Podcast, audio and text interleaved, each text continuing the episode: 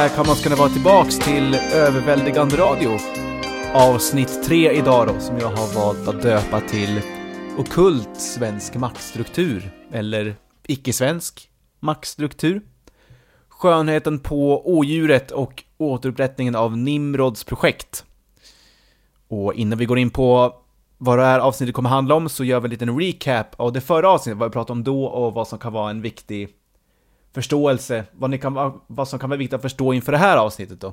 Då pratar vi om lag då, då och civilrätt romersk rätt och hur nästan alla rätter i världen baseras på den romerska.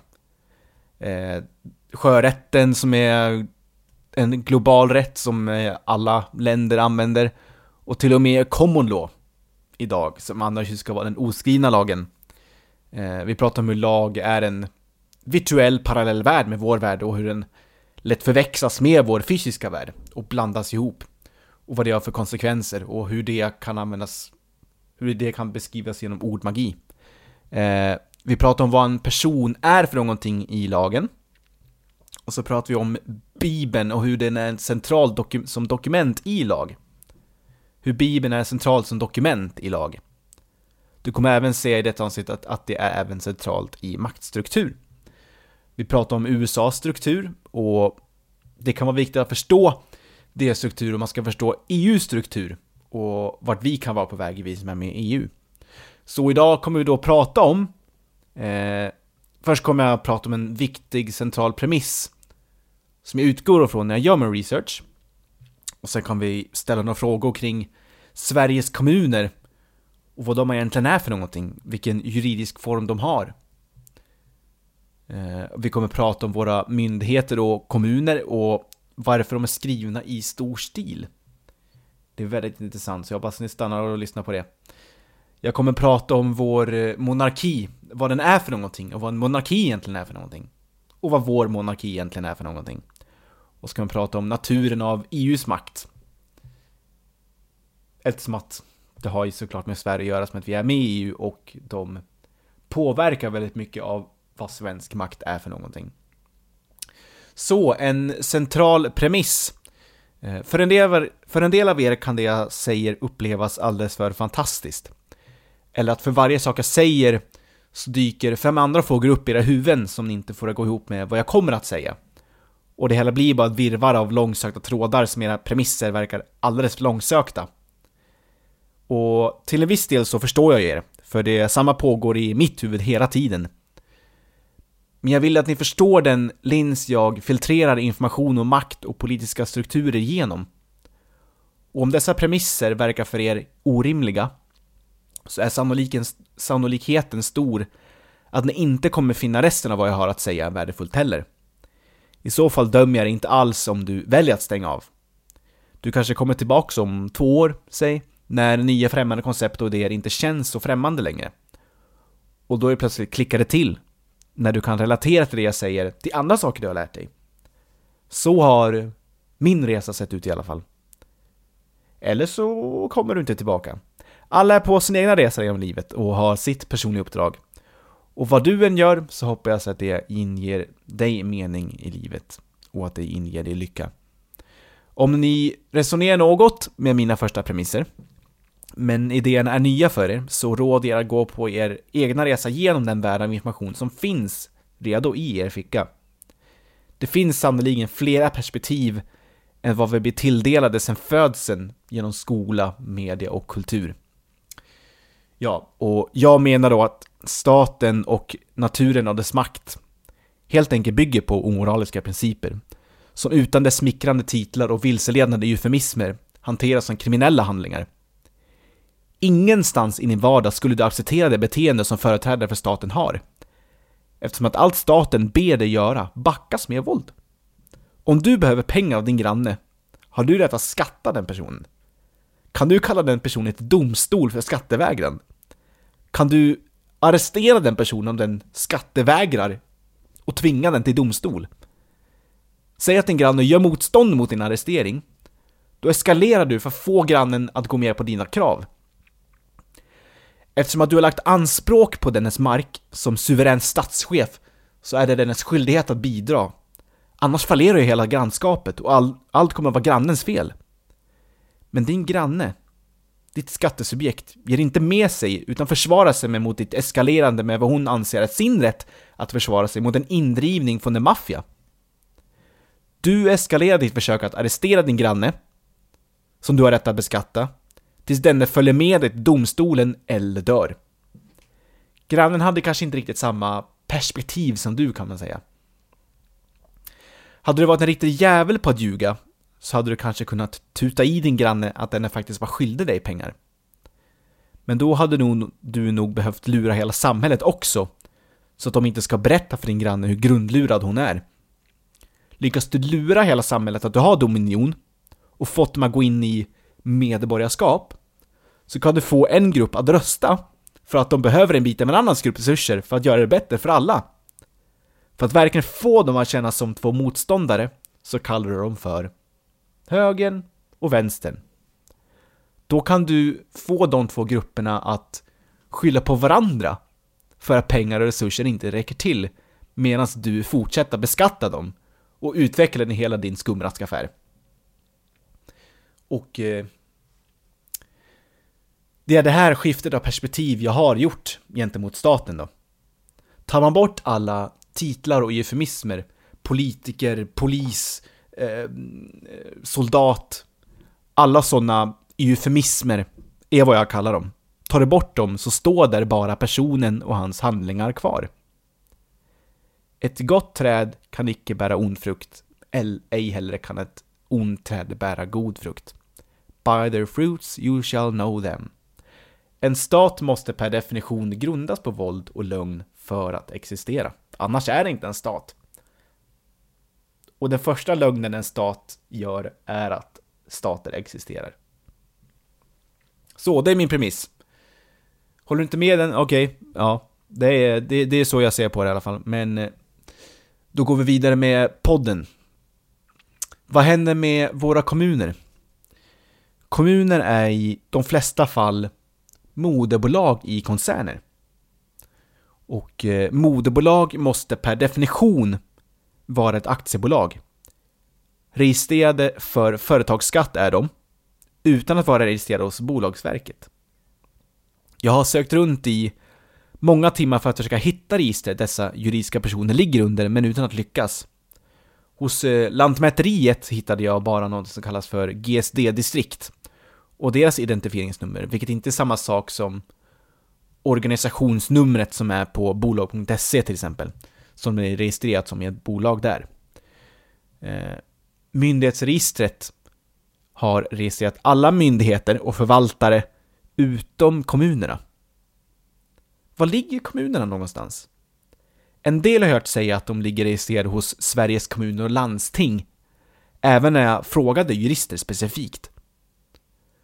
Vad jag hittar där är en lista med länkar till kommunens hemsidor. Ingenting om deras väsentliga information som juridisk person, dess, eh, när de registrerades, vad deras eh, nummer är, ingenting sånt. Det är bara internetlänkar. Det ser inte ut som ett register, den meningen alltså, utan snarare just bara en lista med internetlänkar. Men alla våra kommuner och landsting är medlemmar i den här, vad som kallas för en intresseorganisation Sveriges kommuner och landsting då, då pratar jag om. En sån organisation arbetar för sina medlemmars ekonomiska intresse. Som en fackförening, fast för kommuner, skulle man kunna säga.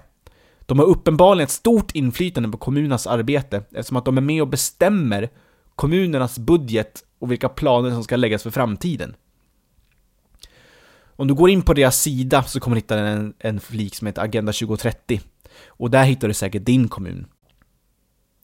Ett eh, typexempel från det konspiratoriska synsättet på Agenda 2030 eller Agenda 21 2021 som det hette från början är eh, långsam avvänjning av privata fordon som färdmedel och att vi alltmer ska börja använda kollektivtrafik och polade bilar och cyklar för att hålla så många som möjligt kvar i städerna där vi är helt enkelt mycket enklare att kontrollera. I Uppsala där jag bor så har EU-cyklarna kommit till exempel. Och nu också under avsnittet som jag skrev så har det kommit två till företag som gör elsparkcyklar också. Från ingenstans kom de. Och de eh, registrerar såklart då din användning av cykeln genom att du betalar med ditt digitala bank-id. Cyklarna ser rent ut sagt faktiskt jättefula ut och de hamnar överallt runt om i stan för vem som helst att använda med sitt bank-id. De står bara mitt på gatan. Det är jätteirriterande faktiskt. Agenda 2030 är en agenda som, eh, precis som allt annat i den politiska världen, dryper av smickrande titlar såsom jämställdhet, hållbarhet, välfärd, klimat, hållbar utveckling, ekonomisk hållbarhet och så vidare och så vidare. Men det är just nu ett relevant sidospår som är viktigt att ta upp tycker jag. Eh, Sverige, myndigheten Sveriges kommuner och landsting, som jag pratade om, finns inte registrerat hos Eh, statistiska centralbyrån, där alla andra myndigheter verkar. Antagligen för att de inte förvaltar svensk makt, tänker jag då. Eh, den här organisationen, den verkar i Bryssel, EUs maktcenter, och förvaltar vad jag idag tror är EUs statschef, eller kommande statschef, påven och hans makt. Om inte han är statschef så är det någon president som är det. Men du kommer förstå vad, vad jag menar sen. Jag återkommer dit så går vi ner på den lokala nivån igen. Där våra kommuner och deras registrering som företag. Våra kommuner som registrerade bolag saknar verklig huvudman, styrelse eller årsredovisning på de vanliga företagssidorna. Den eh, bästa företagssidan enligt mig är merinfo.se.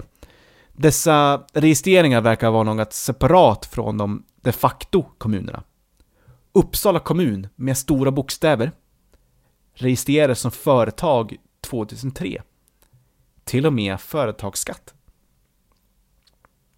Det är ju några hundra år efter att Uppsala kommun kom till. Betyder det att Uppsala kommun agerar som bolag? Eller är det två separata entiteter som i USA? Där en kommun är de facto kommunen över det fysiska landet och den andra ett främmande aktiebolag. Det framgår inte av någon lag, varken i re regeringsformen eller kommunallagen, att en kommun ens måste vara en person. Så som person kan de hypotetiskt sett anta vilken form de vill. Ju mer jag lär mig, desto mer frågor får jag faktiskt. Eh, och här är definition av kommun, som är hämtat först från juridikens begrepp, femte upplagan. Då står det så här då. Sammanslutning av medlemmar som enligt regeringsformen finns på lokal och regional nivå i Sverige. Och sen eh, från Black's Law Dictionary som vi pratade om i förra avsnittet.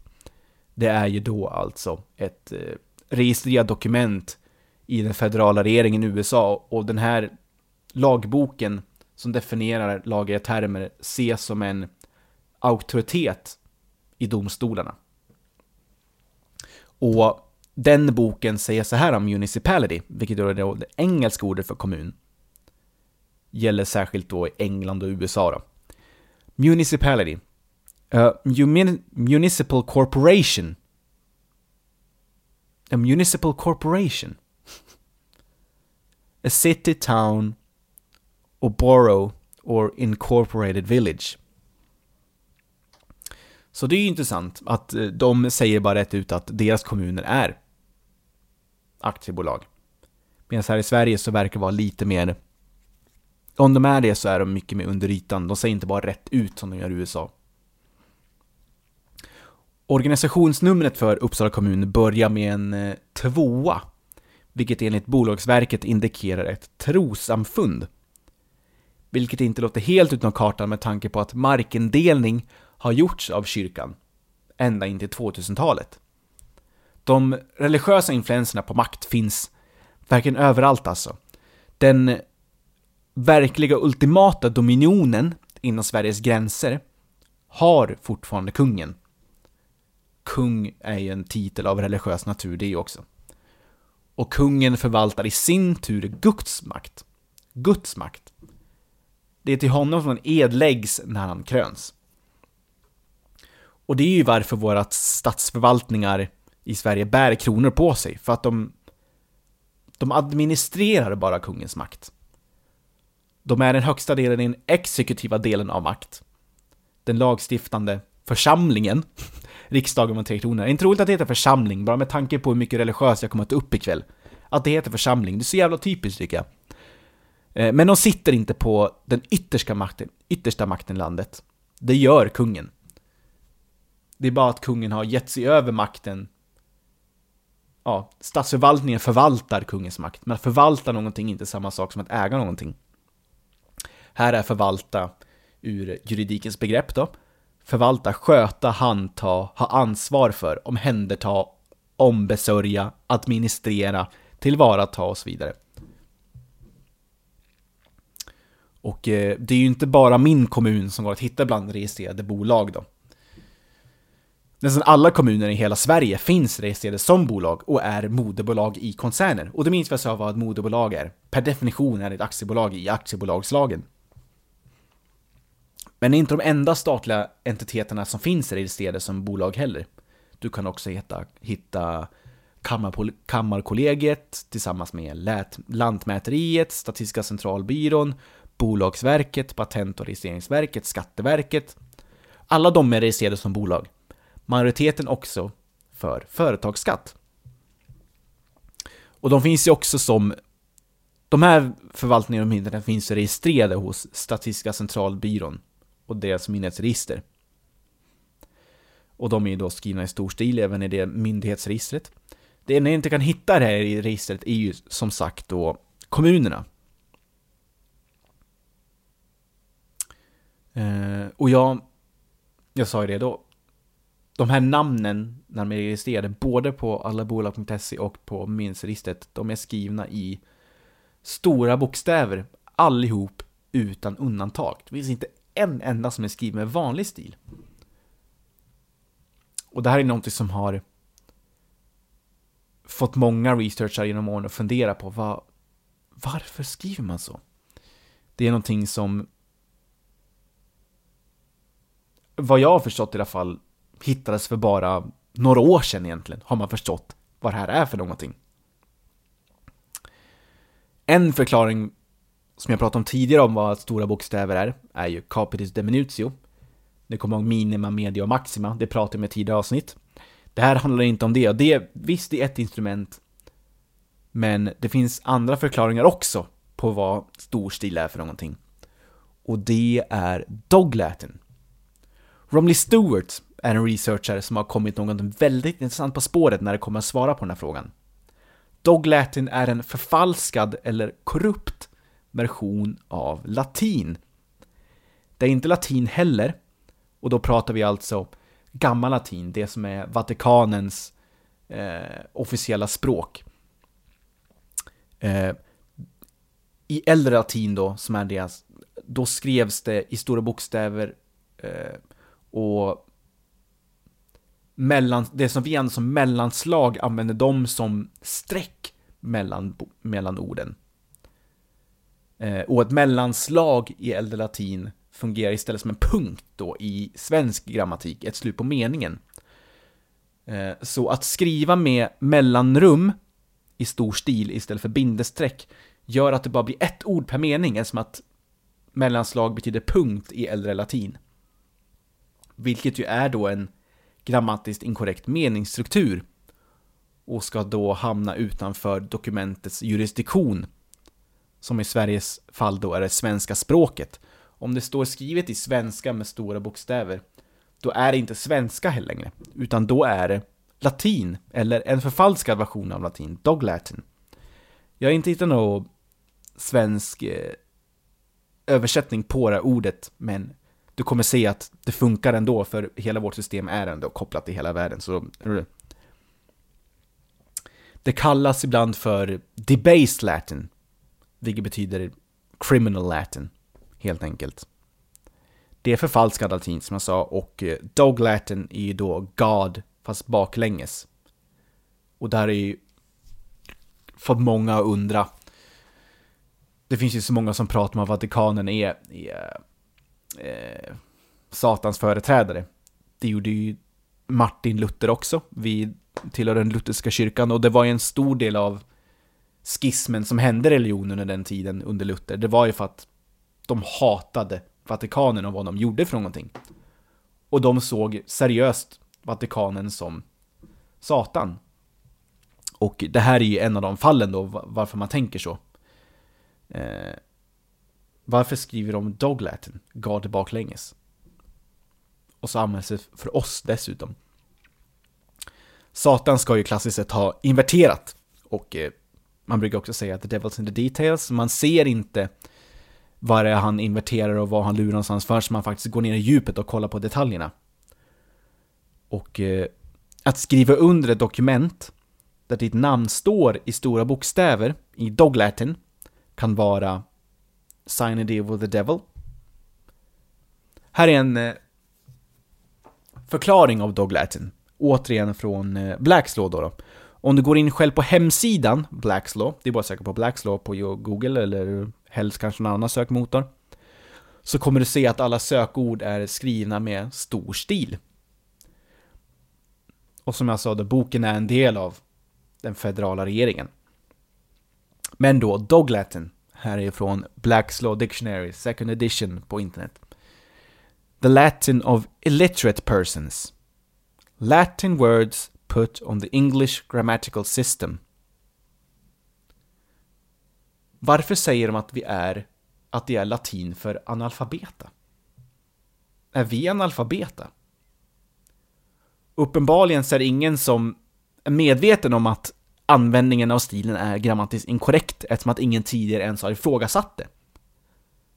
Så om vi som befolkning inte var medvetna om att denna grammatiska falskhet på dokument finns, så är vi ju faktiskt analfabeta per definition. Så fult är spelet som spelas idag. De gör reglerna, och kan vi inte deras regler så är deras regler vårt fel. Okunskap är... Okunskap om lag är inte en ursäkt i lagen. Men du undrar nu kanske varför jag ens eh, tar upp det här och varför det är någonting viktigt att ta upp. Vad spelar det för roll att någonting står i stora bokstäver? I så fall så påminner jag dig om att romersk rätt är strikt kodifierad lag, som vi pratade om i förra avsnittet. Allting har en bestämd betydelse och följer regler. Och i svensk lag så ska det följa svensk grammatik. Om en text är korrupt, korrupt, då hamnar den ur jurisdiktionen, vilket betyder att det inte längre är en giltig del av dokumentet och kan helt ignoreras. Vilket betyder att våra namn i svensk jurisdiktion inte står på dokumentet när det är skrivet i Dog Latin. Vilket betyder att namnet som hela dokumentet handlar om inte står där. Vilket gör att hela dokumentet är ogiltigt, för det pratar inte som någon. Det är alltså, ja, det är helt otroligt alltså. Men så här är det att det är bara ogiltigt om vi påpekar det faktum att det är ogiltigt. Om vi skriver under med våra namn på det dokumentet, då ignoreras faktum att det är ogiltigt, att det är grammatiskt inkorrekt. Och felen blir korrekta för att vi, ja, med medgivande så blir de det. Eh, och det leder oss då tillbaka till våra myndigheter och kommuner och våra namn för den delen som alla stavas med denna stil. Systemets funktion baseras på medgivande i ignorans. Och det här är ju inte ett fenomen som är unikt för Sverige på något sätt. Det sträcker sig över hela världen.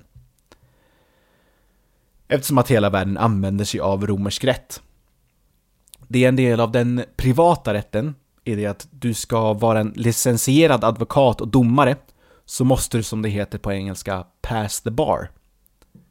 I Sverige måste du passera ett test för att bli medlem i Advokatsamfundet, eller så kallat Swedish Bar Association på engelska, som är en del av The Bar. Och The Bar, baren, är ett privaträttsligt samfund som ligger i City of London, världens privatekonomiska stormakt. Och eh, man brukar säga att City of London är en del av trippelkronan, brukar man kalla det för. Imperiets tre städer som alla är privata aktiebolag. De tre kronorna är Washington District of Columbia, Washington DC, City of London och Vatikanstaten, det heliga sätet. De tre städerna har gemensamt att de inte tillhör landet de ligger i, utan är sina egna privata länder med egna lagar. De har egna flaggor, egna domstol, egen polis. De är egna länder. Och så är de aktiebolag dessutom. Och Sveriges advokater är del av baren som är del av det här internationella systemet av privat lag. Alltså inte publiklag, statens statuter, utan privat lag som du går med i frivilligt. Jag tror att Doglatin, som inte är hemma i något lands språk eller något lands jurisdiktion eftersom det inte tillhör något språk och inte fungerar i något språk, har koppling till baren, privaträtten och är internationellt. Fenomenet med stora bokstäver är i alla fall lika internationellt som baren, så kan man ju säga. Och hoppar vi över till jesuiterna, kallar jag den här lilla delen för. Eh, kungen är stormästare för Serafimerorden, Sveriges statliga order av högsta bemärkelse. Den är faktiskt så ärofylld att den fick lov att hänga runt Sveriges riksvapen, vilket också är kungens personliga vapen. Och ordens tecken och motto är detsamma som den militanta orden Jesu sällskap, eller så kallad jesuitorden i folkmun. Jesuitorden. Och deras enda uppdrag som organisation är att arbeta för det heliga sätet i Rom, Vatikanstaten och dess intressen, och fungerade som en kontring mot reformationen, vilket såklart gjorde då jesuitorden till Sveriges klara motståndare. Den enda skillnaden i Serafimerorden är att Sveriges riksdags tre kronor har lagts till. Tre kronor som vi nu antagligen ser är kopplat till högre makt än bara Sverige. De tre kronorna ska ju klassiskt sett vara Kalmarunionen men kan användas men har använts av många andra provinser i Europa. Ett Europa som till mångt och mycket faktiskt kontrollerat av det heliga sätet och är krönt med tre kronor. Faktum är att Uppsala universitet startades av katolska ärkebiskopen Jakob Ulfsson, som under fem år vistades i Roms riksdag, Kurien. Tre år efteråt introducerade han boktryckarkonsten, vilket jag tycker är ganska konstigt. Favin var en fattare på 1600-talet från Frankrike som skulle ha kallat den föregående svenska orden Salvatororden för Sveriges orden kallad Jesus eller Serafimerorden har jesuiterna infiltrerat Sverige? Lyckades kanske kontrareformationen som de försökte genomföra? Att få tillbaks lutheranerna och eh, protestanterna tillbaks till katolicism? Jag kan i alla fall annars inte se varför vår protestantiska stat skulle använda jesuiternas emblem på Sveriges mest exklusiva symbol som även är kungens egna heraldiska vapen. Vår statschef har jesuiternas symbol runt sina axlar. Jag kan inte heller se varför annars Antje Jacklén, som är Uppsala stifts ärkebiskop och Svenska kyrkans högsta höns, en så kallad primas, har en så god relation med Vatikanen. Svenska kyrkans kors är faktiskt identiskt med Paneuropa med korset i Paneuropeiska unionens flagga.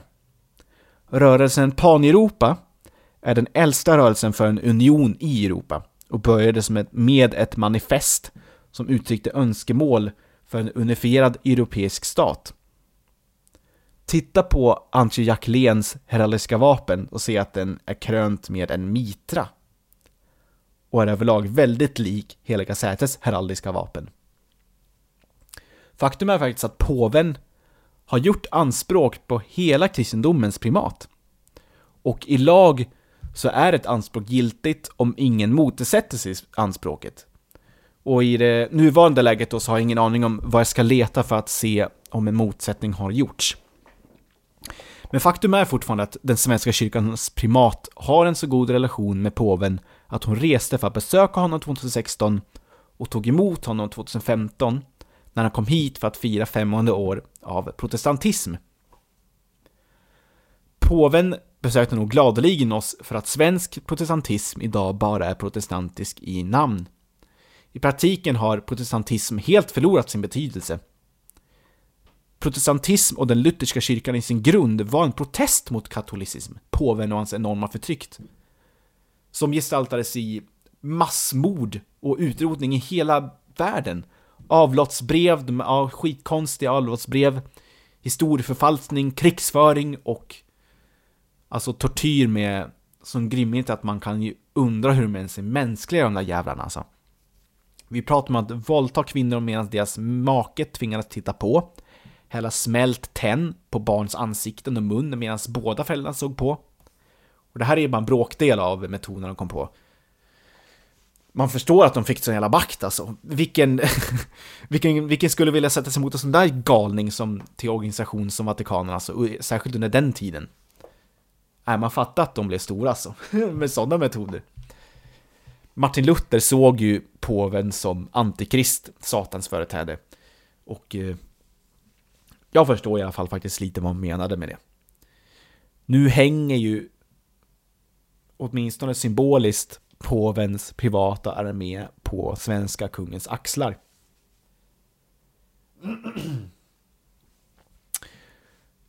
Och då går vi över till EU. Som alla vet så är Sverige medlem i EU.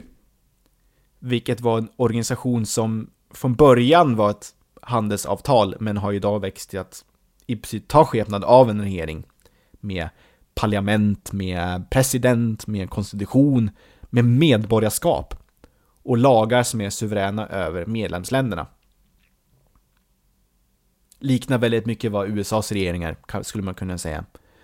Om man förstår historien kring regeringen i USA, som är en union av stater, där unionens lagar står över ländernas lagar, så kan man misstänka att det är hela det med EU också. Att bli en federation och att man ska börja se hela EU som ett eget land. Precis som man idag gjort med USA. Från början så var ju alla staterna i USA, ja, egna stater. Idag ser man dem som bara nästan som kommuner i Sverige, som del av någonting större. Idag ser man att USA är ett land. Men USA är inte ett land. USA är en union. Men det har liksom på något sätt blivit ett land. Här är ju definitionen av federation i juridikens begrepp då, femte upplagan. Eh, sammanslutning av statsförbund. Och sen Federation i Blacks Law. Och det är det här som är så roligt när man pratar om eh, Blacks Law. Då får man lite mer, då som jag verkligen nu USA fungerar i alla fall. Jag pratade i förra avsnittet om att USA, att regeringen i Washington DC är i princip ett privatiserat aktiebolag. Eh, och här är definitionen av Federation. A company that is made of smaller companies that bring the attention of issues to its members. Each one has control of its own business. Jag ska inte gå in på, på det igen, på hur USA fungerar. Du får lyssna på det förra avsnittet, eller kolla upp det själv. Den Europeiska Unionen består av ett rättsligt samarbete mellan länderna. Som man brukar övergripande kallar för unionsrätten, brukar man kalla det för. Och lagarna där i, som är suveräna över landets lagar, de tolkas genom någonting som kallas för teleologisk lagtolkning i EUs domstolar. Ett ord som är fonetiskt slående likt teologisk, bara att L har lagts till. Teologi betyder ju läran om Gud, som några kanske vet. Och L betyder Gud på hebreiska och är ju varifrån många bibliska namn kommer, såsom Mikael, Rafael, Israel, Gabriel, Samuel. Men även också därifrån vi får många engelska ord in på svenskan också, men som elektricitet eller elekt, elevera, alla sådana där ord. Det har med Gud att göra liksom. Men eh, teleologisk betyder att tolka efter en regel eller ändamål. Så vad är det för regel man tolkar unionsrätten genom? Man kan eh, få sin gissning i alla fall, om vi går tillbaka till EU-konstitutionens skapelse. En konstitution bestämmer ju då ramar för hur en organisation ska fungera. En mall för hur fortsatt arbete ska gå till. Och är det mest grundläggande avtalet. Den skrevs under i ett palats på Capitoline Hill. Den heligaste av de sju kullarna i Vatikanstaten. På toppen av kullen är en symmetrisk ruta, eh, som en plaza, ett torg, där en sida är öppen då. Eh, de tre andra sidorna blockeras av stadsfullmäktige, Kapitoliummuseet och Palace of the Conservatory. Och det är det palatset som EUs konstitution skrevs under i ett palats på det heliga som de sju kullarna i Rom, i Vatikanen. Och eh, Vatikanens lagar är ju ecklesiastiska. Det är kanonisk rätt. Som, vilket betyder att medlemsländernas representanter skrev under EUs konstitution i en kanonisk jurisdiktion. De skrev under i en kyrklig jurisdiktion, skrev de under EUs konstitution. Min gissning är att det här nog är en te teleologiska tolkning de menar. Särskilt med tanke på vad en union är för någonting i lagen. Här har vi union från Blacks Law. Union in ecclesiastical law.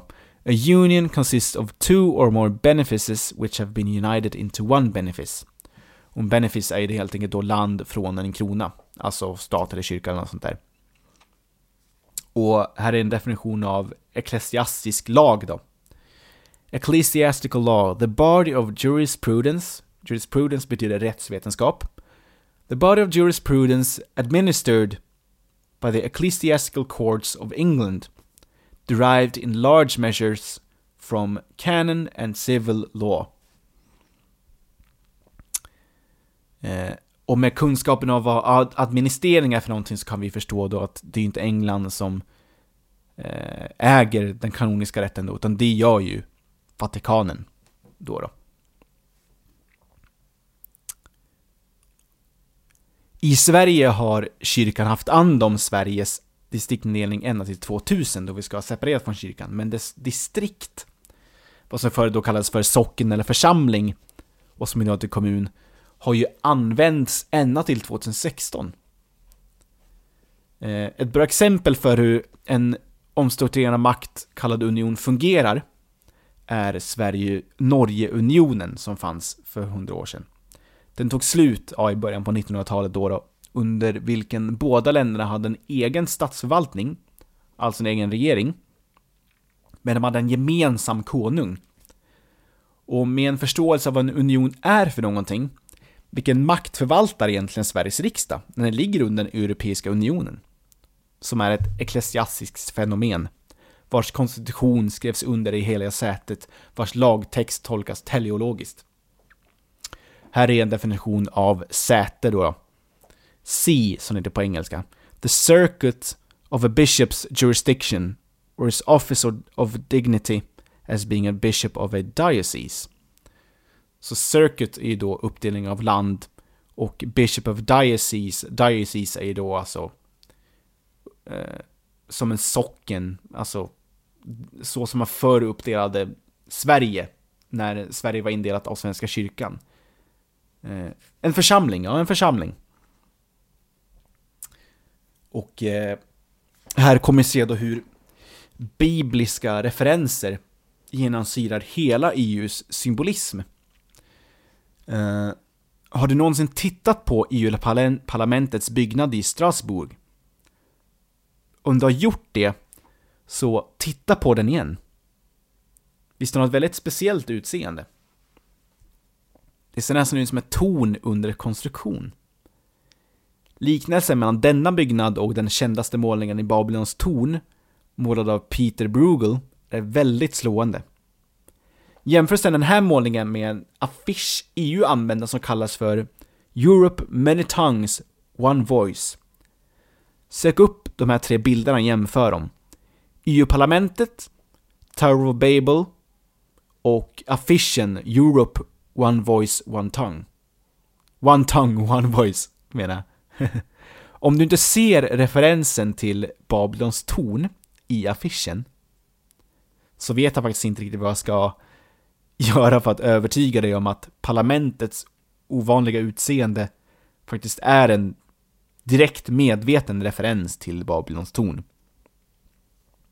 Även uttrycket many, many tongues one voice är också en referens till den bibliska berättelsen om Babylon, Babylons torn. Kort sagt så ville Nimrod, Babylons härskare, trotsa Gud och bygga sitt, sitt eget imperium utan Gud. Det genom att nå upp till himmelen. Men Gud bröt upp imperiet genom att ge jordens befolkning olika språk så att de inte kunde kommunicera. Det blev slutet för Nimrods aspirationer om ett världsomspännande herravälde. Och nu verkar det som att Nimrods projekt ska fortsätta trots språkbarriären. Eller så är det enande språket idag engelska.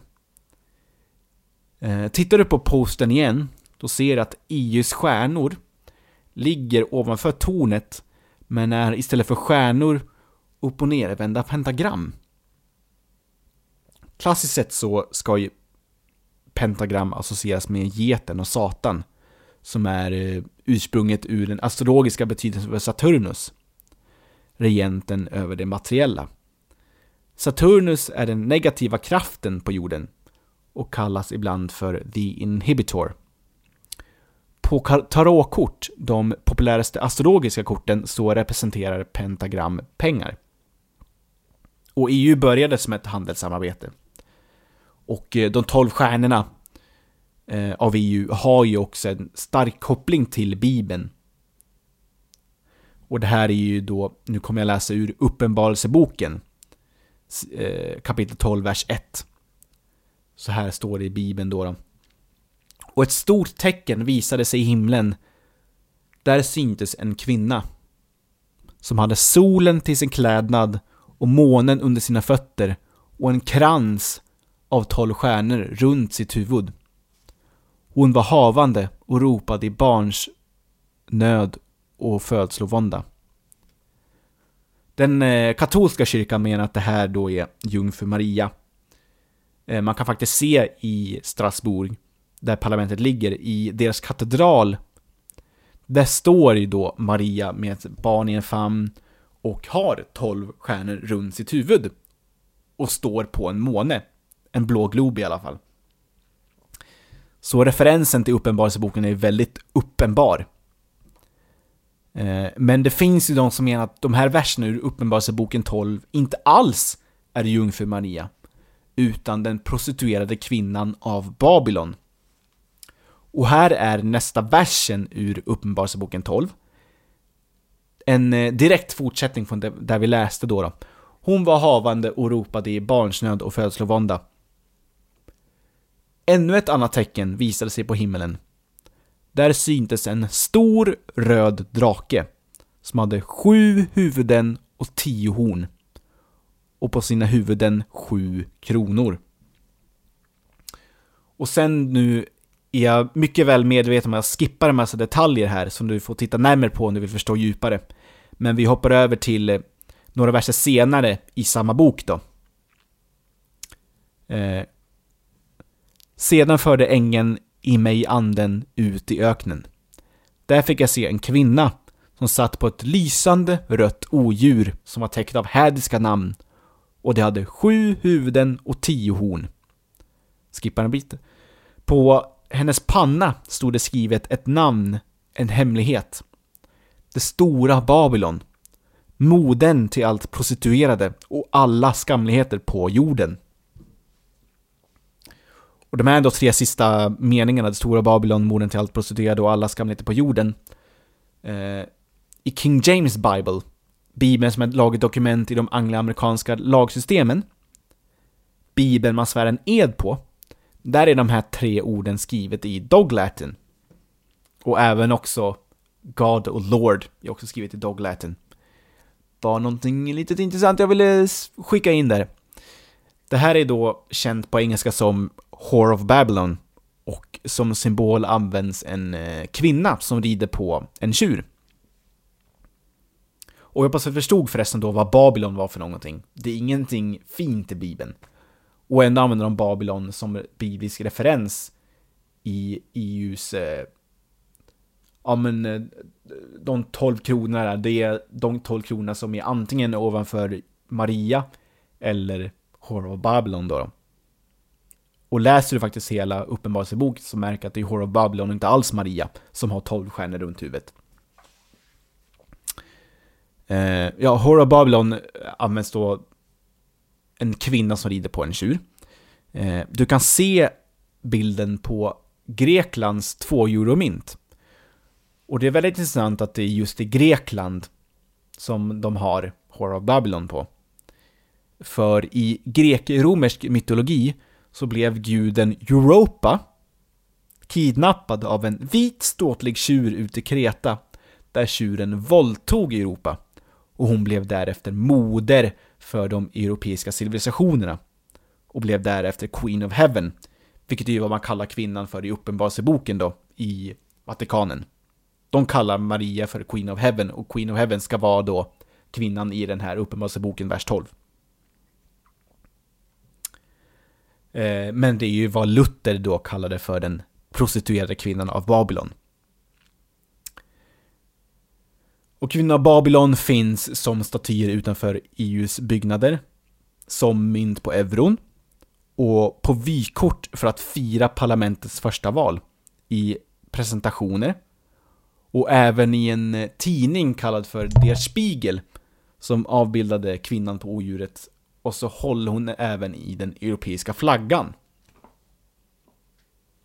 Det är svårt att kopplingarna till Bibeln och EU är enorma. Och de är inte positiva. Och det här är det här är research som man gjorde Ja, du kan hitta så mycket mer om du tittar vidare, men för mig är det här tillräckligt för att se att kopplingen mellan EU och Bibeln är väldigt uppenbar. Och de gör det för mig ganska tydligt vilka det är som faktiskt har någon, någon slags övervägande kontroll över EU i alla fall.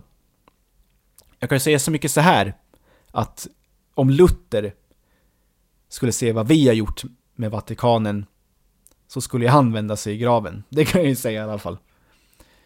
Eh, men som du har märkt nu kanske så verkar det som att religiösa institutioner har mycket större inflytande på politiken än vad man först kanske skulle kunna tänka sig. Vatikanens fotavtryck syns överallt. Från eh, lag till gudomlig makt, det vill säga kunglig makt, ända till de två stora unionerna i världen, EU och USA. Visste du att eh, eh Washington DC, innan hette Washington DC, kallades för Rome? Innan det hette Washington DC så kallades för Rome. Och var låg Rom någonstans? Rome i USA. Det låg mellan Virginia och Maryland.